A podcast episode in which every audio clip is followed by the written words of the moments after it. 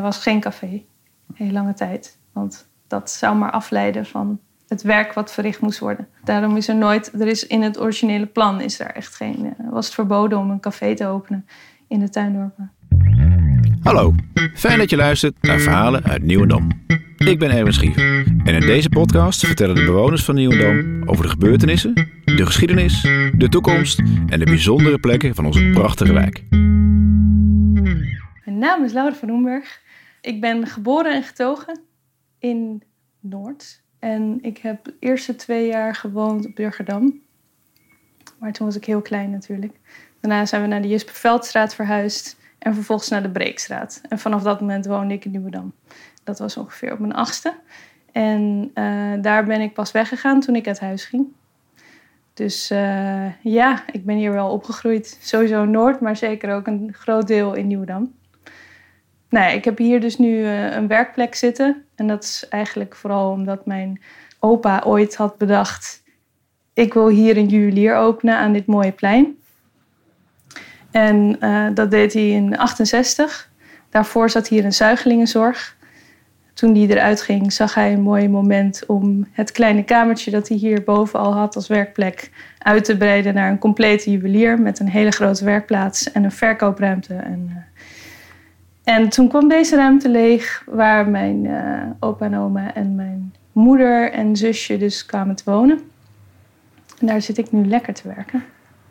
Want we zitten nu boven de winkel, boven juwelier Akkerman. Ja, boven de poort eigenlijk. Ja. Dat was ook de naam van je vader, of van je opa, neem ik aan, Akkerman. Ja, ja. Akkermans. Akkermans. Met een S. Maar en je hebt het over Nieuwendam en over Noord, want je hebt op verschillende plekken in Noord gewoond ook. Dus niet alleen in Nieuwendam.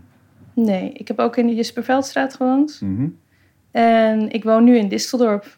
En dat is, woon ik nu, even denken, ik denk zes jaar inmiddels al, zeven. En dat is uh, een heel oud tuindorpje natuurlijk, opgeleverd uh, jaren 18, 19, 20. Um, en daar heb ik het uh, grote geluk gehad om een heel klein huisje te kunnen kopen. Ja, daar kan het nog. Ja. Dat kon nog. Vlak voordat de Noord-Zuidlijn opende. Op dat moment daar vlak voor en daarna zijn de huisprijzen natuurlijk enorm gestegen. Zag je dat aankomen? Ja. ja? ja. En wat zag je veranderen dan? De Noord-Zuidlijn werd geopend en wat zag je toen gebeuren? Nou ja, ik wist dat de huisprijzen omhoog zouden gaan omdat ze veel aan het bijbouwen zijn. Maar dat is niet per se iets wat ik zag op straat. Nee, het is meer een algehele, al langer lopend traject van... Uh, um, uh, ja, er worden veel huizen bijgebouwd en er komen steeds nieuwe gezichten en nieuwe tentjes. En nieuwe tentjes is heel leuk om erbij te hebben. Meer leven in de brouwerij. Zolang de binding en oud-Noordelingen zich daar ook uh, thuis voelen. En dat gaat nogal eens mis. Want hoe was je jeugd? Hoe was Noord toen je, toen je jong was? Ja, Noord was leuk. Noord was Noord. Noord was mijn speelterrein. Vanaf het moment dat we in de Breekstraat woonden, was het eigenlijk alleen maar buiten. Hutten bouwen, heksensoepjes maken, heel veel kinderen buiten. Dat was heel leuk. En uh, ik was natuurlijk hier veel op Purmerplein ook. Wat altijd heel erg leuk was, was de wielenronde. En ik hoop dat die ook weer terugkomt. Dat was echt te gek. Daar liep heel, uh, heel liep daarvoor uit. En je zag wel um, dat het op een gegeven moment wel... De wielenronde kwam volgens mij een braderie bij. Die braderie die ging een beetje achteruit. Dat werd ook niet zo heel erg meer goed bezocht volgens mij. Maar die wielenronde wel. Dat was altijd... Uh, dat was echt een hoogtepunt. Grappig is dat, hoe dat werkt. Dat kan een heel dorp leuk vinden. Jong, oud, iedereen was er. Ik herkende altijd mensen. Mm-hmm. Waarmee ik, uh, ja, van mijn leeftijd of gewoon uh, de mensen die ik ken via hier natuurlijk. En um, wat ik zelf niet zo heb meegemaakt hier, maar wel weet omdat ik betrokken ben bij het Museum Amsterdam Noord en Historisch Centrum, is dat bevrijdingsfeesten altijd enorm zijn gevierd hier. Um, sinds het moment dat we ook echt bevrijd waren tot nu. Uh, um, of tot nu eigenlijk, tot, ja, tot wanneer. Het is, uh, het is altijd flink gevierd hier, met, uh, voornamelijk met spelletjes. Maar ik weet nou ja, van mijn werk en dan mijn werk met ja, archieffoto's, weet ik dat daar in Noord echt gewoon ontzettend veel feesten en praalwagens altijd werden ge- opgetuigd. En jeugd die uitgedost. Eigenlijk een soort mini-carnaval hier in Noord was dat. En dan hier ook heel sterk. Daar kan ik heel veel foto's voor, van vinden voor je. En met hier bedoel je dan Purmerplein. Daar Ja, gebeurt het eigenlijk. ja, ja. Dat Purmerplein dat nu zo leeg is en verlaten. Ja, dat. Purmerplein, ja.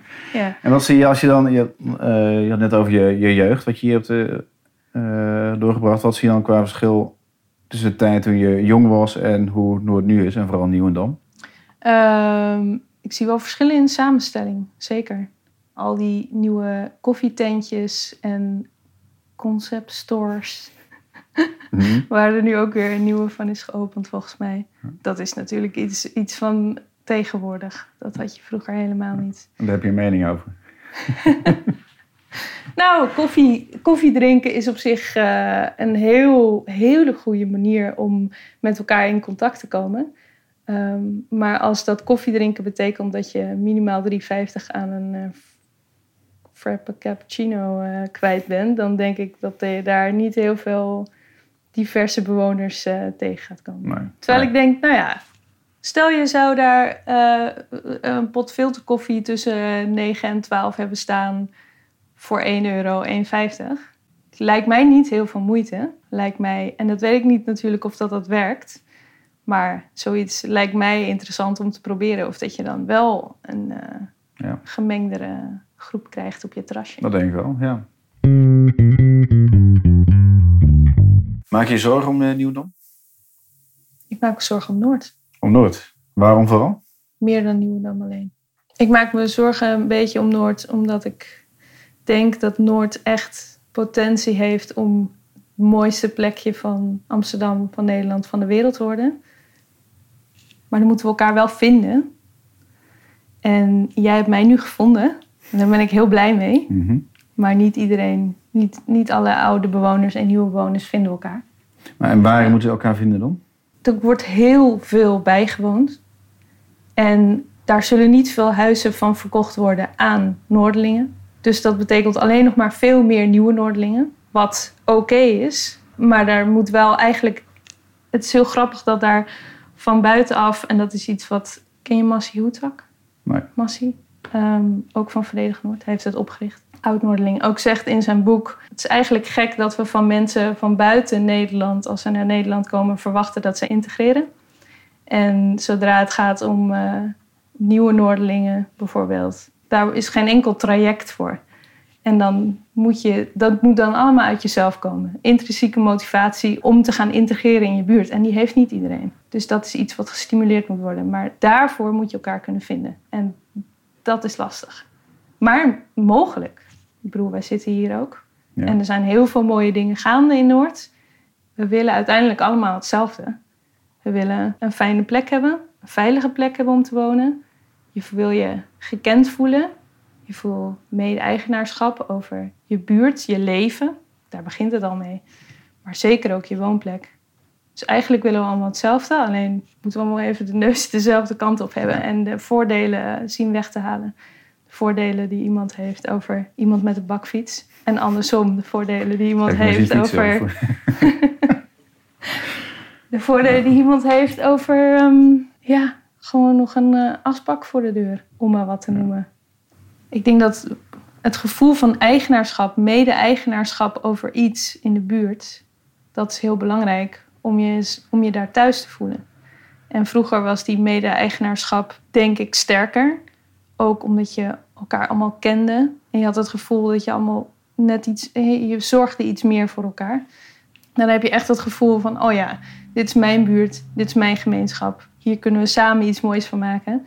En ik denk dat dat een heel belangrijk onderdeel is. Dat gevoel dat oud-bewoners, oud-Noordelingen ook het gevoel krijgen van... oh ja, dit is ook van mij. Niet alleen ik ben er welkom, maar het is ook van mij. Eh, je noemde een paar keer noem je Verdedig Noord. Kun je uitleggen wat Verdedig Noord is en wat jullie, waarom jullie zijn opgericht? Verdedig Noord is ontstaan door een groep oud-Noordelingen die zien... hé, hey, er komen heel veel nieuwe Noordelingen bij en we mengen niet. En als dat zo doorgaat, dan wordt Noord geen fijne plek om te wonen. Waarin iedereen langs elkaar leeft. Zeker ook de inkomensongelijkheid hier in Noord is vrij groot. En die wordt dan alleen nog maar groter. Dus Noord, Verdedig Noord is ontstaan omdat we geloven in de community wealth building. Investeer lokaal, leef lokaal, woon lokaal. Durf met Mhm. elkaar in gesprek te gaan. Durf met elkaar in contact te komen. En dat is de manier om een woonplek heel leefbaar en heel fijn te maken. En Verenigd Noord doet dat op heel veel verschillende manieren. Eh, of in ieder geval neemt daar het voortouw in heel veel, heel veel verschillende manieren.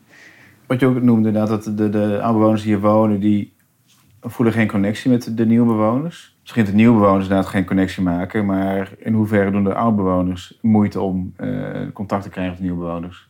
Ik denk dat er heel veel voordelen over elkaar zijn. En dat, dat dat contact leggen heel erg in de weg staat. En ik denk dat als je focust op de dingen die, die je met elkaar gemeen hebt. En dat zou bijvoorbeeld dus het organiseren van een leuk evenement zijn, wat al jarenlang wordt georganiseerd eigenlijk, of met tussenpozen is georganiseerd, zoals de wielerronde. Ik denk dat dat een goede manier is om dat voor elkaar te krijgen, dat het wel gebeurt. Je ziet bijvoorbeeld dat er nu mensen in de kleine die komen in verzet tegen de sloop van hun woning. Omdat na, eh, nou ja, sowieso willen ze sloop niet. En het liefst natuurlijk na renovatie de, de bevestiging dat ze terug kunnen komen zonder dat de huur al te ver omhoog schiet.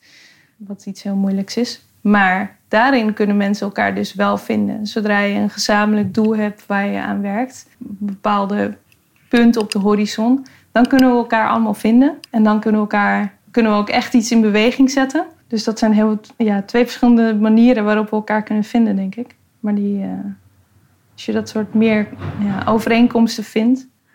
Het gaat niet alleen om nieuwe en oude bewoners. Het gaat om dat die welvaartverdeling zo uit balans is.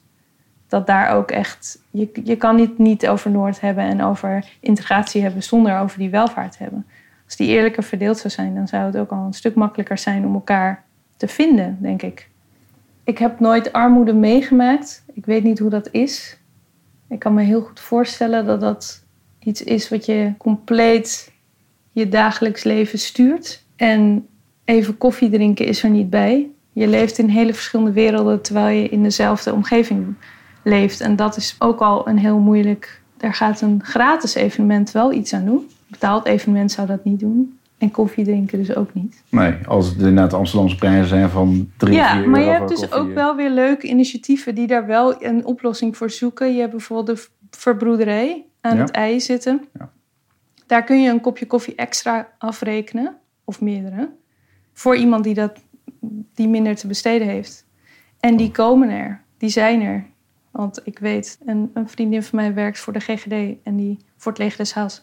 Die gaat daar wel eens met cliënten heen die ook gewoon daar alleen heen gaan. Gewoon om buiten het huis te zijn en ook een plek hebben om even te kunnen zitten, maar niet het geld hebben om daar eigenlijk even te kunnen zitten om iets te drinken. Nee. En je kunt daar gewoon extra voor afrekenen. Dat is ook nog een manier om. Ja, wel die inkomens meer bij elkaar te krijgen nog. Dus Ja. dan maak je gebruik van eh, de hoge inkomens. Ja, je, je goeie. investeert heel erg in je eigen eh, omgeving in Noord. Mhm.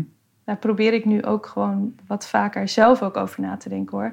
Dat ik, ik gooide altijd, als ik ook kleding had wat ik niet meer droeg, dan deed ik dat gewoon in een tas en gooide ik in zo'n bunker. Maar je hebt prachtige initiatieven hier in Noord die daar heel erg gericht Noord mee kunnen helpen. Dus in zo'n grote bak weet je niet waar dat heen gaat. Maar je hebt bijvoorbeeld de Moeders van Noord, die zitten in de bannen. En je hebt eh, de weggeefwinkel, die zit ehm, in de Heliotroopstraat.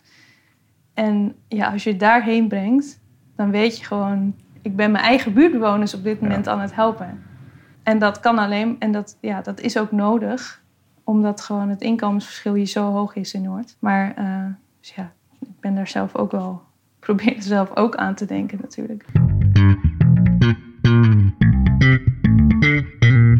Je hebt dan mensen die hier wonen, maar eigenlijk alleen slapen. De boodschappen worden thuis bezorgd door Albert Heijn. Dus je gaat niet even naar de groenteboer om de hoek. De lokale economie wordt niet gesteund. 's Ochtends op weg naar je werk, dat waarschijnlijk aan de andere kant van het ei is. Neem je het pontje, nooit meer pontje noemen, altijd pond. Dat is echt een ding. Waarom is dat een ding? Weet ik Ja, niet. Maar... Dat is een, eh, een heel woord voor het, de enige verbinding die al jaren is tussen Noord en de rest. En de andere kant, eh, mensen van de andere kant van het ei noemen dan een pontje, terwijl dat Dat is de levenslijn. Dat is de bloedlijn. Dus, uh, Wauw. Dus hier is eigenlijk een, een vloekwoord, zeg maar. Pontje, dat mag je hier in Noord eigenlijk niet noemen in Nee. Nieuwendam? Of... Nee, goed te een weten. oud-Noorderling zal je corrigeren. Tuindorpen zijn zo ingericht dat je, dat je hier alles had. Je had hier plek om te wonen, te slapen, om buiten te zijn, om je te vermaken in je vrije tijd, als je die had. Want het waren allemaal arbeiders die in de haven hier werkten of bij Ketje werkten. Er Je had iets van vier grote bedrijven en als je die als je vraagt naar de ouders en de grootouders van de oud-Noordelingen die hier nog wonen, ze werkten allemaal daar. Allemaal. En je had, nou ja, de kaasboer, de groenteboer, vlees, de slager en nog wat extra huisraad kon je halen. En er was geen café, heel lange tijd. Want dat zou maar afleiden van het werk wat verricht moest worden. Daarom is er nooit, er is in het originele plan is daar echt geen, eh, was het verboden om een café te openen in de tuindorpen. Want nu is inderdaad gewoon vooral wonen in Nieuwendam. En de rest doe je gewoon eh, buiten Nieuwendam. Ja, Ik ken het zelf ook wel inderdaad. Hadden we wel het idee dat die juppen ook gewoon... Ze gaan we naar het winkelcentrum en daar is heel veel te halen. Maar ik merk zelf uit de gesprekken die ik voer... dat ze ook denken, hé, hey, waar is die ambachtelijke slager, bakker? Natuurlijk zijn er wel een paar Purmerplein. Mhm. Maar dat ze toch wat gemist hebben, nog, nog meer ambachtelijke winkeltjes. Dat ook de, de, de nieuwbewoners dat toch wel meer willen hebben nog. Dan hebben ze steeds niet het gemak van het winkelcentrum waar lekker alles te krijgen is. Het is ook een tijdsinvestering. En dan kun je zeggen, die heb je niet. Maar dat betekent natuurlijk, die maak je niet. Op zich, als je hier aan het Purmerplein woont, is natuurlijk de stap niet heel groot om even bij de groenteboer kaas en dan, nou ja, de meeste jups zullen niet eens vlees halen. Dan. Dus dan is er nog de, de vegan slager. Ja. Maar, ja. Ja, Ik heb ook het idee dat er heel veel nieuwe bewoners in Nieuw, eh, Nieuwendam zijn komen wonen. Niet omdat ze per se kozen voor Nieuwendam, maar ze kozen voor een plek waar ze een huis konden kopen. En dan is niet per se dat je zoekt in Nieuwendam, maar ja. dan vind je toevallig in Nieuwendam een woning. En pas dan leer je de wijk kennen. In plaats van, hé, hey, ik wil specifiek in die wijk wonen, daar wil ik een, een huis hebben. Aan de andere kant was dat vroeger natuurlijk ook zo. De mensen die naar de tuindorpen kwamen, kwamen daar omdat de huizen in de Jordaan gewoon ontzettend verloederd waren en gewoon onbewoonbaar waren. En dan was er een. ehm, aan de hand van je inkomen op dat moment werd bepaald of dat je naar tuindorp Ozaan ging of tuindorp Nieuwedam. Nieuwedam was iets duurder, had je een iets hoger inkomen voor Mhm. nodig om te kunnen wonen. Ze hadden namelijk hier badcellen. En dat hadden ze volgens mij in Ozaan niet op dat Badcellen? moment nog. Ja. Dat was echt... Want de andere tuindorpen, Vogeldorp en Disteldorp... die er op dat moment al waren, die hadden gewoon een badhuis. Die hadden dat helemaal niet. Maar goed, dus de eerste... Eigenlijk de grote... Zijn een paar grote vlagen van bewoners... of eh, vragen van migratie geweest naar Noord. En die zijn eigenlijk altijd gestart vanuit het idee, ik moet ergens wonen. En die hele vrije keus, ik ga wonen waar ik wil wonen, dat is een, een, een- dat is een luxe ding. Wat zeker voor de oorlog helemaal niet aan de orde was. Pas toen de welvaart wat omhoog ging, eh, werd dat een ding. Toen kon je kiezen waar je ging wonen. Oké, dus toen was op zich eigenlijk is meer... het wel vergelijkbaar, de situatie van toen en nu. Ja, alleen het In verschil zit erin dat toen ze hier kwamen wonen in Tuindorp Nieuwendam... dat het niet alleen een werkplek of woonplek was, maar ook een werkplek en een hele sociaal leven. Alles was hier. Ja, En dat nu is dat eh, de meeste nieuwbewoners of juppen hier komen wonen... gewoon puur omdat hun huis er staat. En de rest van hun leven is nog wel gewoon of op een oude plek of eh, een oude werkplek... dat het niet in Nieuwendam is. Hun, hun niet mee, zeg maar. ja. En dat is, ja, vroeger had je natuurlijk hier vlakbij was je werk. En het is begrijpelijk dat dat nu niet zo is. Dat bemoeilijkt het, maar maakt het niet onmogelijk om hier nog steeds te wonen. In de Nee. breedste zin Klopt. van het woord. Nee, want het werk kan nog steeds wel buiten Nieuwdam zijn. Alleen je sociale leven in Nieuwdam. Ehm, en ze denken, en die natuurlijk verdedigen Noord. Gaat dat gaat natuurlijk over verdedigen. En welke kansen zie je vooral in Nieuwdam? Want het, het, de juppen die hier komen, dat als grootste ontwikkeling. Neem maar dat gewoon kansen kan bieden. Zeker. Het is heel veel welvaart die hierheen komt. Alleen de welvaart moet wel hierheen komen. De welvaart moet niet in je de stenen blijven zitten, maar moet ook geïnvesteerd worden in de gemeenschap. Dat zou echt een kans zijn voor Nieuwedam en voor heel Noord. Wat vind je van? Nieuwedam is fantastisch. Ik vind de bouwstijl fantastisch. Ik vind het echt gek. Die poortwoning vind ik echt prachtig. En het Purmerplein. Het is groen. En de bewoners, ja, kijk, ik ben natuurlijk oud-Noordeling, dus ik ben bevooroordeeld in dat opzicht. Maar het is heel bevrijdend om gewoon met mensen die eerlijk zijn een praatje te maken. Mhm. Ze houden niks achter, ze zeggen het allemaal. En ze vinden het ook niet erg als jij dat doet. Dat waarderen ze juist. En eh, elkaars naam weten, dat is al beter dan alleen maar hoi zeggen. Of hoi Ja. buurman natuurlijk. Ja, ik heb dat interesse omdat ik interesse in geschiedenis heb. En de historie van Noord, die ik ook deel overigens. Ik heb daar een Instagram-account voor opgericht. Omdat ik het idee had dat het historisch centrum in Noord echt een schat aan informatie heeft. Maar niet heel erg bij een bepaalde doelgroep wel eh, heel zichtbaar is. Bij, bij een hele grote doelgroep niet. Mhm. En dat heel veel eh, jonge Noorderlingen niet zo goed de geschiedenis van Noord kennen. En de nieuwe Noorderlingen eigenlijk ook niet. Nee. Dus ik dacht, nou, dat ga ik delen. eh, met korte verhalen. En dan voornamelijk gericht op foto's, maar dat is mijn eigen interesse natuurlijk. Korte, behapbare verhalen die ik deel op een Instagram-account, Noord in Beeld. Dus dat is nog een manier hoe ik daaraan probeer bij te dragen. Het is, de kennis van de geschiedenis van je wijk is heel belangrijk. Maar die kun je ook opdoen door iets langer met je buren te praten. Dus Ja. Zeker die oud-Noordelingen. Je weet de geschiedenis van dat dorp aan de hand van één verhaal van een oud-Noordeling. Mhm. Want ze zijn, bijna alle verhalen zijn hetzelfde. Ja. Ze hebben hier de oorlog meegemaakt. Ze weten precies hoe dat was. Ze weten precies in welk gebouw waar de NSB'er woonde. Je weet in welk gebouw de wapenopslag was.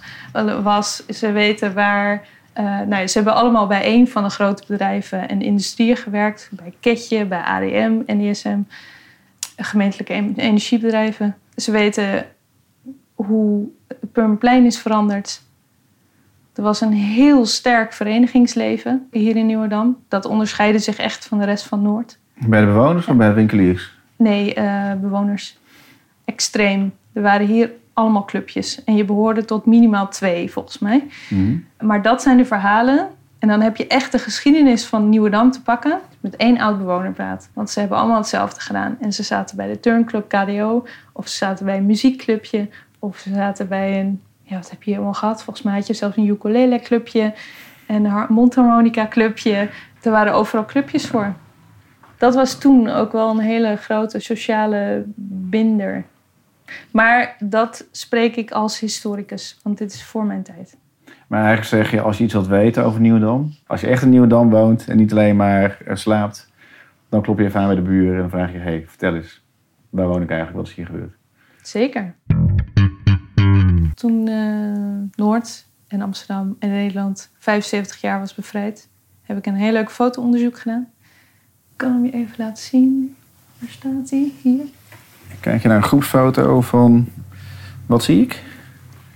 Je ziet een groep jongeren op de Dam feest vieren, want ze zijn bevrijd. Nederland is bevrijd van de Duitsers. Daar in het midden zit mijn opa, Jaap Akkermans, de oprichter van de zaak, de juwelierszaak Akkermans. En er stond achterop geschreven eh, bevrijding 1945. Toen dacht ik, goh, wie zijn al die mensen? En toen heb ik een oproep geplaatst in de Purmerplein buurtkrant en online in Facebookgroepen. Herken, herkennen jullie iemand? Wie zijn deze mensen? En het blijken allemaal mensen uit de Purmerpleinbuurt te zijn. En die zijn vlak na de bevrijding over de Nieuwe Dammerdijk. De Purmer- Purmerweg was er nog niet. Eh, dit was de enige manier om hier te komen. De enige weg was de Nieuwe Dammerdijk. Daar overheen zijn ze gelopen naar het ei. Daar lagen alle ponten aan elkaar vastgebonden, want er was geen benzine. Dus zo kwam je aan de andere kant. Het is een brug gemaakt van ponten die aan elkaar... eh, Ja, de Pontenbrug. En toen zijn ze gelopen naar de Dam om daar feest te vieren. En ehm, ze kenden elkaar. Dat heb ik dus ook uitgezocht. Ik vond het wel leuk om te weten dat, het allemaal, dat ze een overeenkomst hadden. Ze komen allemaal hier vandaan. Maar ze kenden elkaar dus van het verenigingsgebouw, de Purmer. En dat was op dat moment een houten gebouwtje. En die stond op het Bredekerkpad. En daar kwamen heel veel verenigingen samen.